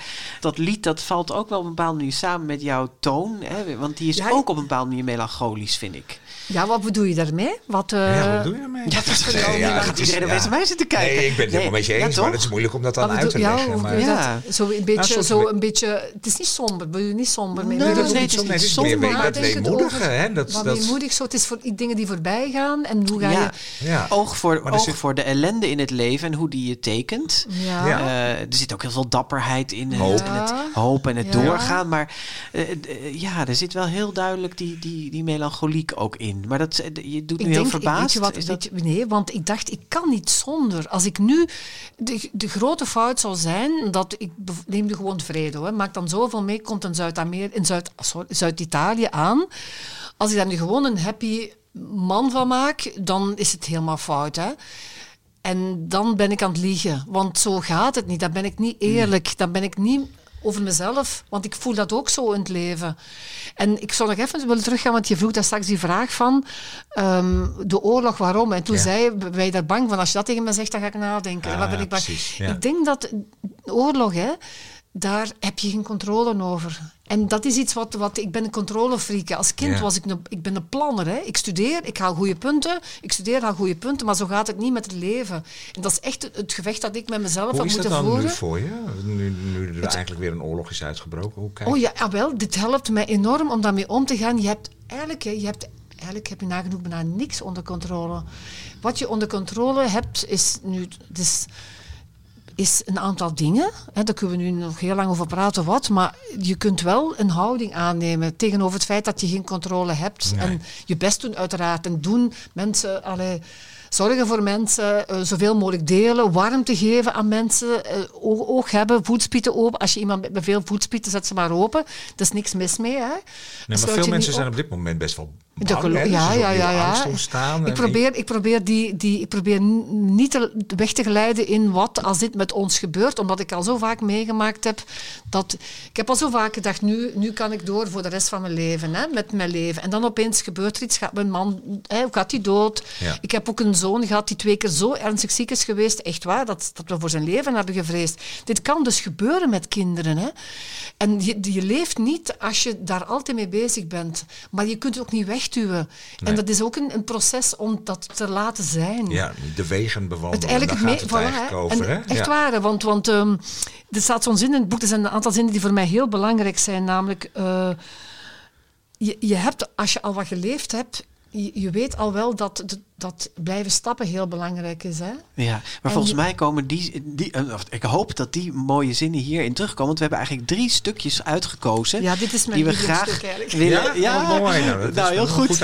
Ook een van onze lievelingsstukken. Want de personages in het boek, ja, die moeten opvallend vaak opnieuw beginnen eigenlijk. Hè. Er gebeurt elke keer iets in hun leven. ja. dat, is echt wat ik wil zeggen. eh, van buitenaf. Eh, ze proberen dat opnieuw, steeds opnieuw te beginnen, ook met een soort schone lijn, maar dat, Dat kan eigenlijk niet, hè? nee. Nee, dus ze proberen iets achter te laten, maar het verleden blijft altijd aanwezig. En daarover schreef je in onze ogen drie hele mooie passages en die willen we graag van je horen. Begin maar eens met de eerste en dan eh, komt er nog weer even een vraag tussendoor. Dan gaan we naar de tweede en zo verder. Alright, dus wacht even. Net zo. Een mens is nooit van suiker, van vlees en bloed, dat zijn we allemaal, met een hart dat klopt en niet te stille valt. En daarom kruipen we in boten, steken we oceanen over, hopen we op warme bedden, stappen we in treinen om el- elders de mijn in te kruipen, slapen we in schuren en ruimen we de rommel van anderen op. En terwijl we dat doen, zien we achter ons de horizon een lijn trekken onder wat is geweest. En we hopen dat het wonder gebeurt, dat een mens opnieuw kan beginnen. Terwijl het niet kan. Alles wat ooit was, is er nog altijd. Een mens gaat verder met altijd meer. Hij laat helemaal niets achter. En misschien is dat zijn groot geluk. Ja. Zie jij dat zo? Nu, De ik, eh, krassen die je oploopt. Weet je, ehm, weglopen hè, van, van problemen die gebeuren, die blijven altijd je achtervolgen. Als je, grote problemen zijn. Dat is iets wat ik in, in loop van je leven heb uitgewerkt. Toen Noor loopt weg en ze komt zichzelf altijd maar tegen. Nu, het is een beetje, toen ik dit dan, dit heb ik eigenlijk geschreven, veel vroeger in het boek al, maar niet, niet helemaal zo uitgewerkt, maar dat beeld van die horizon. Ik zag die mensen die zitten op die boot, die hebben de oorlog gevochten, de Italianen uit krijgsgevangenkampen, vertrekken vanuit Engeland door, over de, de halve Atlantische Oceaan naar het zuiden. Die zien achter zich de horizon en die, je kunt zeggen, oké, dat is de streepse, dat leven is gedaan en nu begint het, de rest van ons leven en alleen maar fijn. Dat hoop je.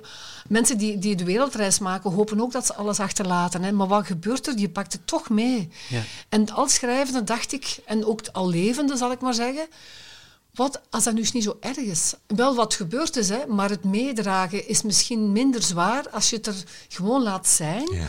Maar doorgaat met, want je bent nooit alleen dat ene. Ik, ik spreek niet over mensen die heel zware, grote dingen, maar ik bedoel, ja, je, je bent altijd ja, ik denk, we zijn, het is on, hoe dat de mens is zo, is zo sterk, zo... De Veerkrachtig. Mens, ja, de mens is, een, is eigenlijk een, een, een dier als het op overleven aankomt. Hè. Want in jij zegt eigenlijk heel erg van, het gaat, we hebben het over opnieuw beginnen, maar eigenlijk gaat het over doorgaan. voor mij is het niet over, nee, het voor mij is het boek over doorgaan. Want iets wat ik al heel lang in mijn leven ook al, al, al weet, is je kunt eigenlijk niet opnieuw beginnen. Hè? Want wat je al geleefd hebt, niet denken van, oké, dit laat ik nu achter, hè, deur dicht. Je hoort soms verhalen van mensen die, die scheiden bijvoorbeeld, en die zeggen dan, oké, de kinderen zijn dan voor de anderen en ik zie die nooit meer terug. Ik denk, wat doet dat met u? Hè, wilt je, wat doet je, wilt je dan ik, ik, mag niet oordelen, ik oordeel niet, hè, maar hoe moeilijk moet dat zijn? Want dat, dat is nooit, niks is weg. Hè. Nee. Um, je, je verandert ook van, van, van werk bijvoorbeeld om, om bepaalde redenen. En je kunt jezelf echt wel gelukkiger maken door keuzes te maken. Hè. Daar gaat het niet om. hè. Mhm. Maar je doet dat ook altijd vanuit iets anders. En het is niet dat je altijd moet bewust zijn van de erge dingen die zijn gebeurd. Want dat, dat is niet wat ik bedoel, dat weet je wel. Hè? Maar het is wel dat, dat, het, dat het leven uh, overkomt je toch op een, voor een heel groot deel. Ja, en daar gaat het volgende stukje eigenlijk over. Van wat er dan zo al kan gebeuren. Wat je leven opeens een totaal andere kant op stuurt. Ja. We lopen allemaal verloren, Carlotta. Het is wat mensen overkomt als ze van de wereld veranderen. En misschien kan het zelfs niet anders, want hij loert om elke hoek die nieuwe wereld. Een oorlog die begint, een schip dat zinkt, een lief dat verdwijnt. De oude wegen die we ooit liepen, ze liggen achter ons. We kennen de bochten van de nieuwe niet. We weten niet waar de putten liggen, of er wel een bron is onderweg. En welke richting is de goede? Niemand die het ons vertellen kan. Niemand die ons kan waarschuwen.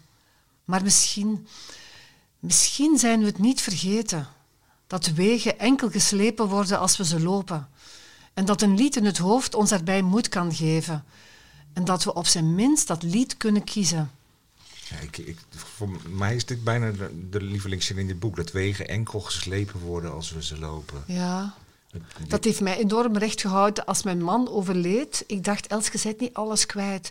Je hebt 38 jaar samen iets uitgebouwd. Je hebt dat op een manier gedaan waardoor dat je hem hebt kunnen helpen doodgaan op een manier die hij het liefste had. Al, ik bedoel, ik ben, ben, bij hem geweest al die tijd. Hij heeft gewoon kunnen verder doen en zo. En um, ik ben daar niet van weggelopen, bij wijze van spreken. Hè. Je bent gebleven. Ja, en um, dat, dat, maar het is niet dat het dan opgelost is, dan begint het nog maar pas. Hè. Maar het is wel goed dat je zo af en toe van die, van die beseffen hebt, als hou vast van, je begint niet van nul te leven. Op, op, je, zelfs een kind van, van, hè, van, van dat straks dan een baby. Een, een kind van tien heeft al zoveel opgebouwd van veerkracht dat is ongelooflijk wat een kind aan kan. Hè. Ja. Maar jouw leven is dus ook niet ingestort nadat je man overleed? Ja, ik heb wel heel zwaar. Ik, ben, ik heb echt wel heel, heel zwaar gehad en lastig. En ik had dat echt allemaal niet gedacht. Ik dacht het allemaal al vooraf, want hij, ik heb het nog kunnen. Hè, we hebben nog zoveel kunnen uit. Ons leven was gewoon goed. En, ja, maar je kon wel verder, Els. Ja, ik, eh, mensen, hè, het is altijd hetzelfde. Hè, bij mij zo mensen kunnen geven en, en mijn zotte kant zien. En. Uh, en, en, en, en klankbord, ik heb overal klankborden. Hè. Eigenlijk de wereld is een klankbord. Hè. En, ja. Had je dit boek kunnen schrijven als je dat niet zelf zo had ervaren? Want dat lijkt me een van de heftigste dingen Dan had ik een ander boek geschreven waarschijnlijk. Hè? Dan, dan, had ik een ander boek.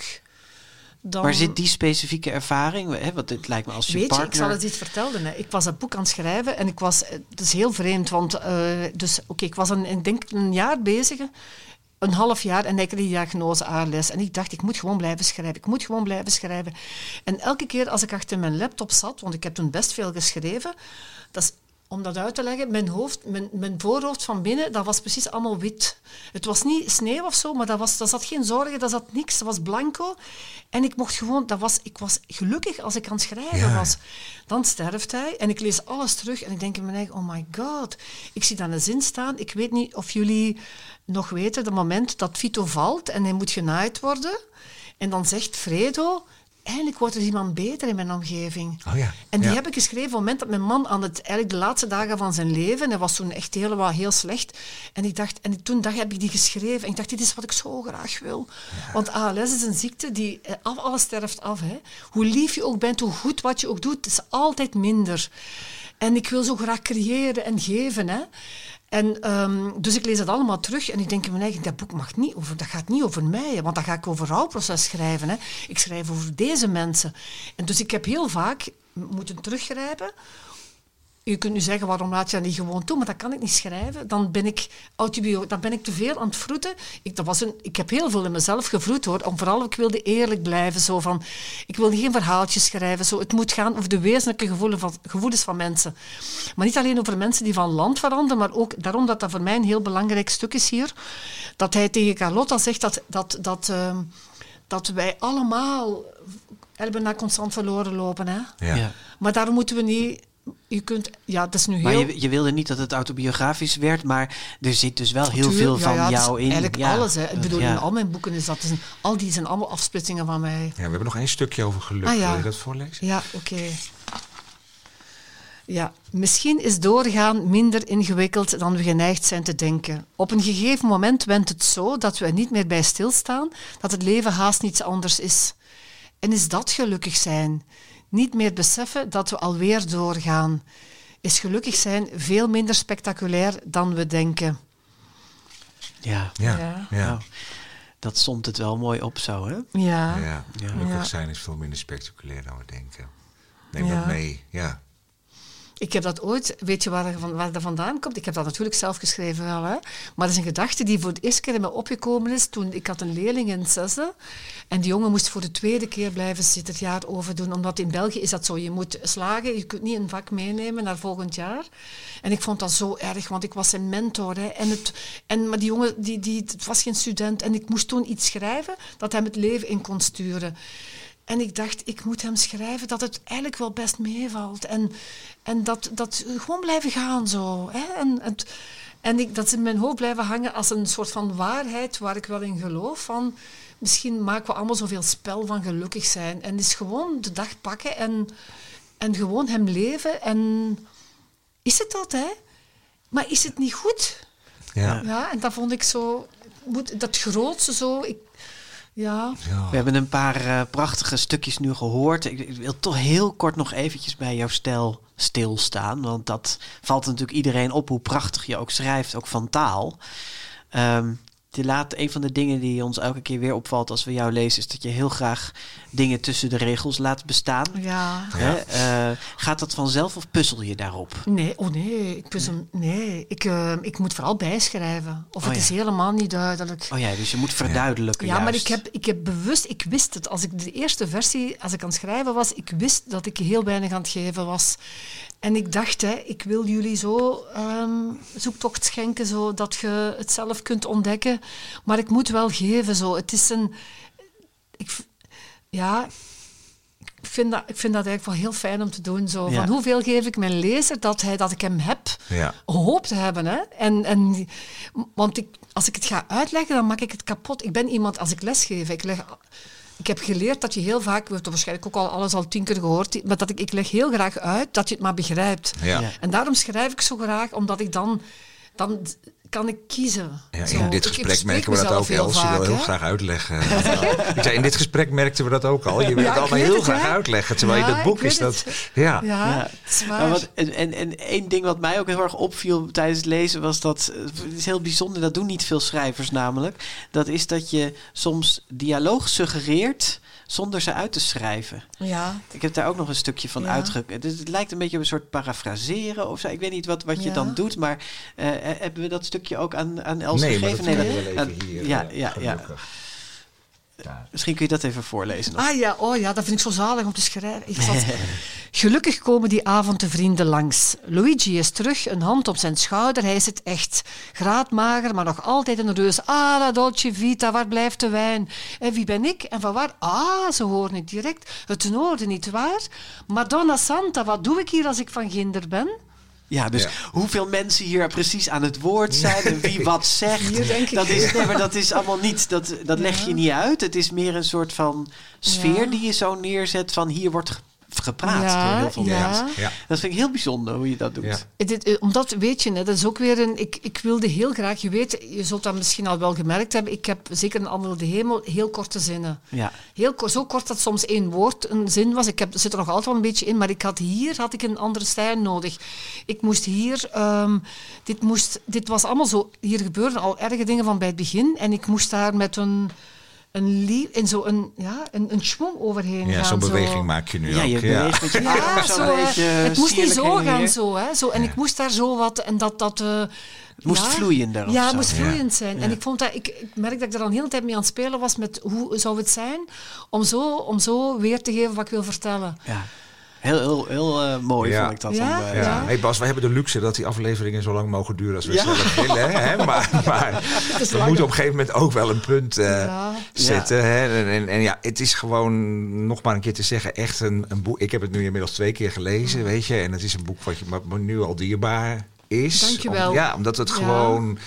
Er zit zoveel in en het gaat zoveel over het leven. Dat en merk het- je aan dit gesprek. Ja, en het is gewoon wel nu met de oorlog in de Oekraïne komt het nog echt, vind ik, hè, nog veel meer binnen op een Ja. of andere manier. Omdat je denkt, ja, dit zijn zulke universele en tijdloze dingen die telkens weer gebeuren. En Het had heel makkelijk als een historische roman kunnen lezen als eh, wat Ja. het in feite natuurlijk ook is. Ja. Maar Ja. nu door, doordat die, dat er ook eigenlijk sinds de Tweede Wereldoorlog opnieuw nu een oorlog op Ja. Europees grondgebied is, Ja. Ja. ga je toch ook weer Ja. de relativiteit van de vrede zien en Ja. denken Ja. van Ja, ja, maar ja, dit is ja. maar ik ben ook iets minder ongerust eigenlijk wel als ik dit lees. En eh, door wat jij nu allemaal vertelt, nou, door Dat doet dat me van- wel heel veel van wij gaan door- plezier, want ik zou het heel erg vinden. Ik hoop echt dat de kracht naar boven Ja, komt. In het ik denk we lopen wel gewoon door in het leven. Dat is wat jij wil vertellen. En, en hoe erg Ja. het ook allemaal is en wat we nu zien. Het ja. gaat ook weer voorbij en er komt weer een nieuw. Dat laat je ook letterlijk zeggen. Volgens Ja. mij laat je dat... Ik weet niet of je dat de meester of iemand anders laat zeggen tegen de kinderen. Maar van, Ja. we hebben nu een oorlog meegemaakt. We hebben vrede meegemaakt, we hebben de gemaakt. vrede zien komen. Hè. En nu gaan we ons toch niet meer laten... Ja, Ja. maar... Ja. Nou, dankjewel voor dit. eh, Ja. moeten we weer, wel. eh, moeten we weer zes ja. jaar wachten op je volgende boek? Of hoe ik, staat hoop- het? Ik, ik, ga, ik heb elke keer de ambitie van dat niet eh, zo lang te laten Nee. duren. Ja, ja. Maar leven er alweer nieuwe personen in je hoofd? Ja, maar het is weer oorlog. Hè. Maar, ja? eh, ik ga, Oh, nee, ja. ik, Nee. nee, eigenlijk laat ik mezelf nu gewoon... Ik laat gewoon nu wat gebeuren. Zo. Ja. Ja. Ja. Laat het leven je maar, Maar- overkomen en het schrijven hè. ook. Ja, Voilà, heel goed. Ja. ja. Voor Ja. het eerst eh, in de geschiedenis van de GVP horen we straks een Engelstalige laatste zin. Maar eerst willen we weten welk boek we op onze parelplank moeten toevoegen in deze rubriek. De grote vriendelijke parel.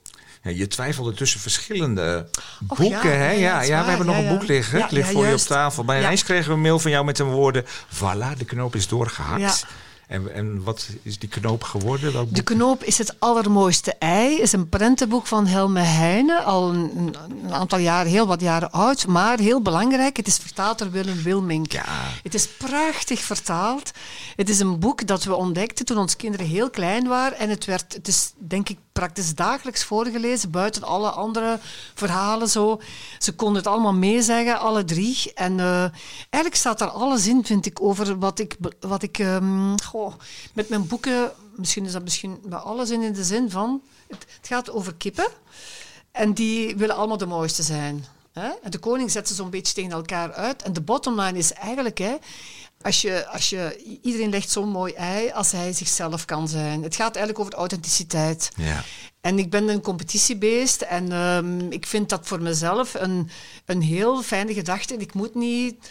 ehm, ik bedoel, laten we allemaal gewoon Naast doen waar we goed in zijn. ja. Voilà, naast elkaar bestaan. En er hoeft niemand bovenuit te steken. Als, die is toch een beetje... Die is de koning bijvoorbeeld. En ik vind dat heel fijn om aan kinderen mee te geven. Zo van, je hoeft niet en kunnen rekenen en dat en dat. Maar wat je kunt, hè, doe dat maar gewoon. Ja. En, en dat is ook je geluk, hè. Want, want als je iets doet wat je goed kunt, dan krijg je daar ook vaak positieve aandacht op. Dan ga je dat ook liever doen. En dan ben je vertrokken. Ja, heel Ja. mooi. Het verscheen in 1983 voor het eerst in vertaling dus van Willem Wilmink Ja. bij Godmer.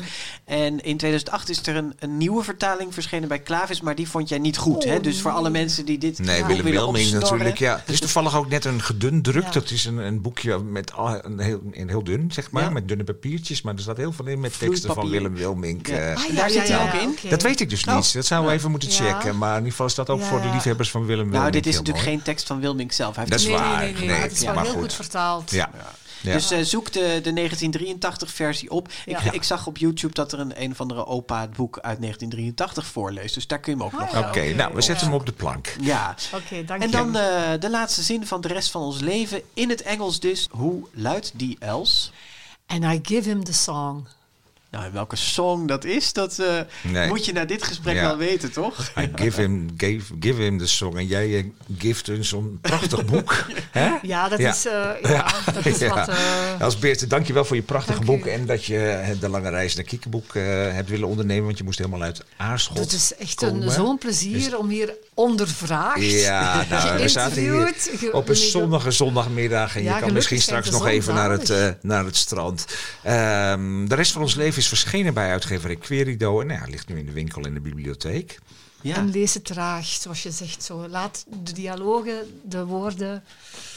ehm, ja, Ja. zoek- Op je inwerken. op je- voilà, ja. Ja, ja. Nou, goede reis terug eh, naar Aarschot, eh, Els. En eh, Jullie nou ja, ik zou toch willen zeggen, laat ons niet weer zes jaar wachten. Nee. Maar goed, doe vooral ook hoe je het moet doen. Luisteraar, wil je ons steunen om deze podcast te kunnen blijven maken? Word dan vriend van de show via vriendvandeshow.nl schuine streep de GV podcast. En ook leuk als je op deze aflevering reageert via Twitter, Facebook, Instagram of Goodreads. en ook genoeg op te reageren, Lijn. Precies, Ja. en ook daar kun je ons vinden onder die schuine streep de GV podcast. Het is zondag 13 maart 2022.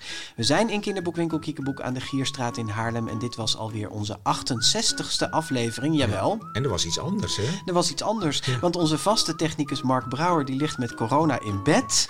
Beterschap, Beterschap, eh, Mark, Mark. ja. Maar gelukkig kon zijn eh, goede bevriende technicus Andy Clark hem vervangen. Bedankt Andy. Thank you very much. Ja. Thank you very much.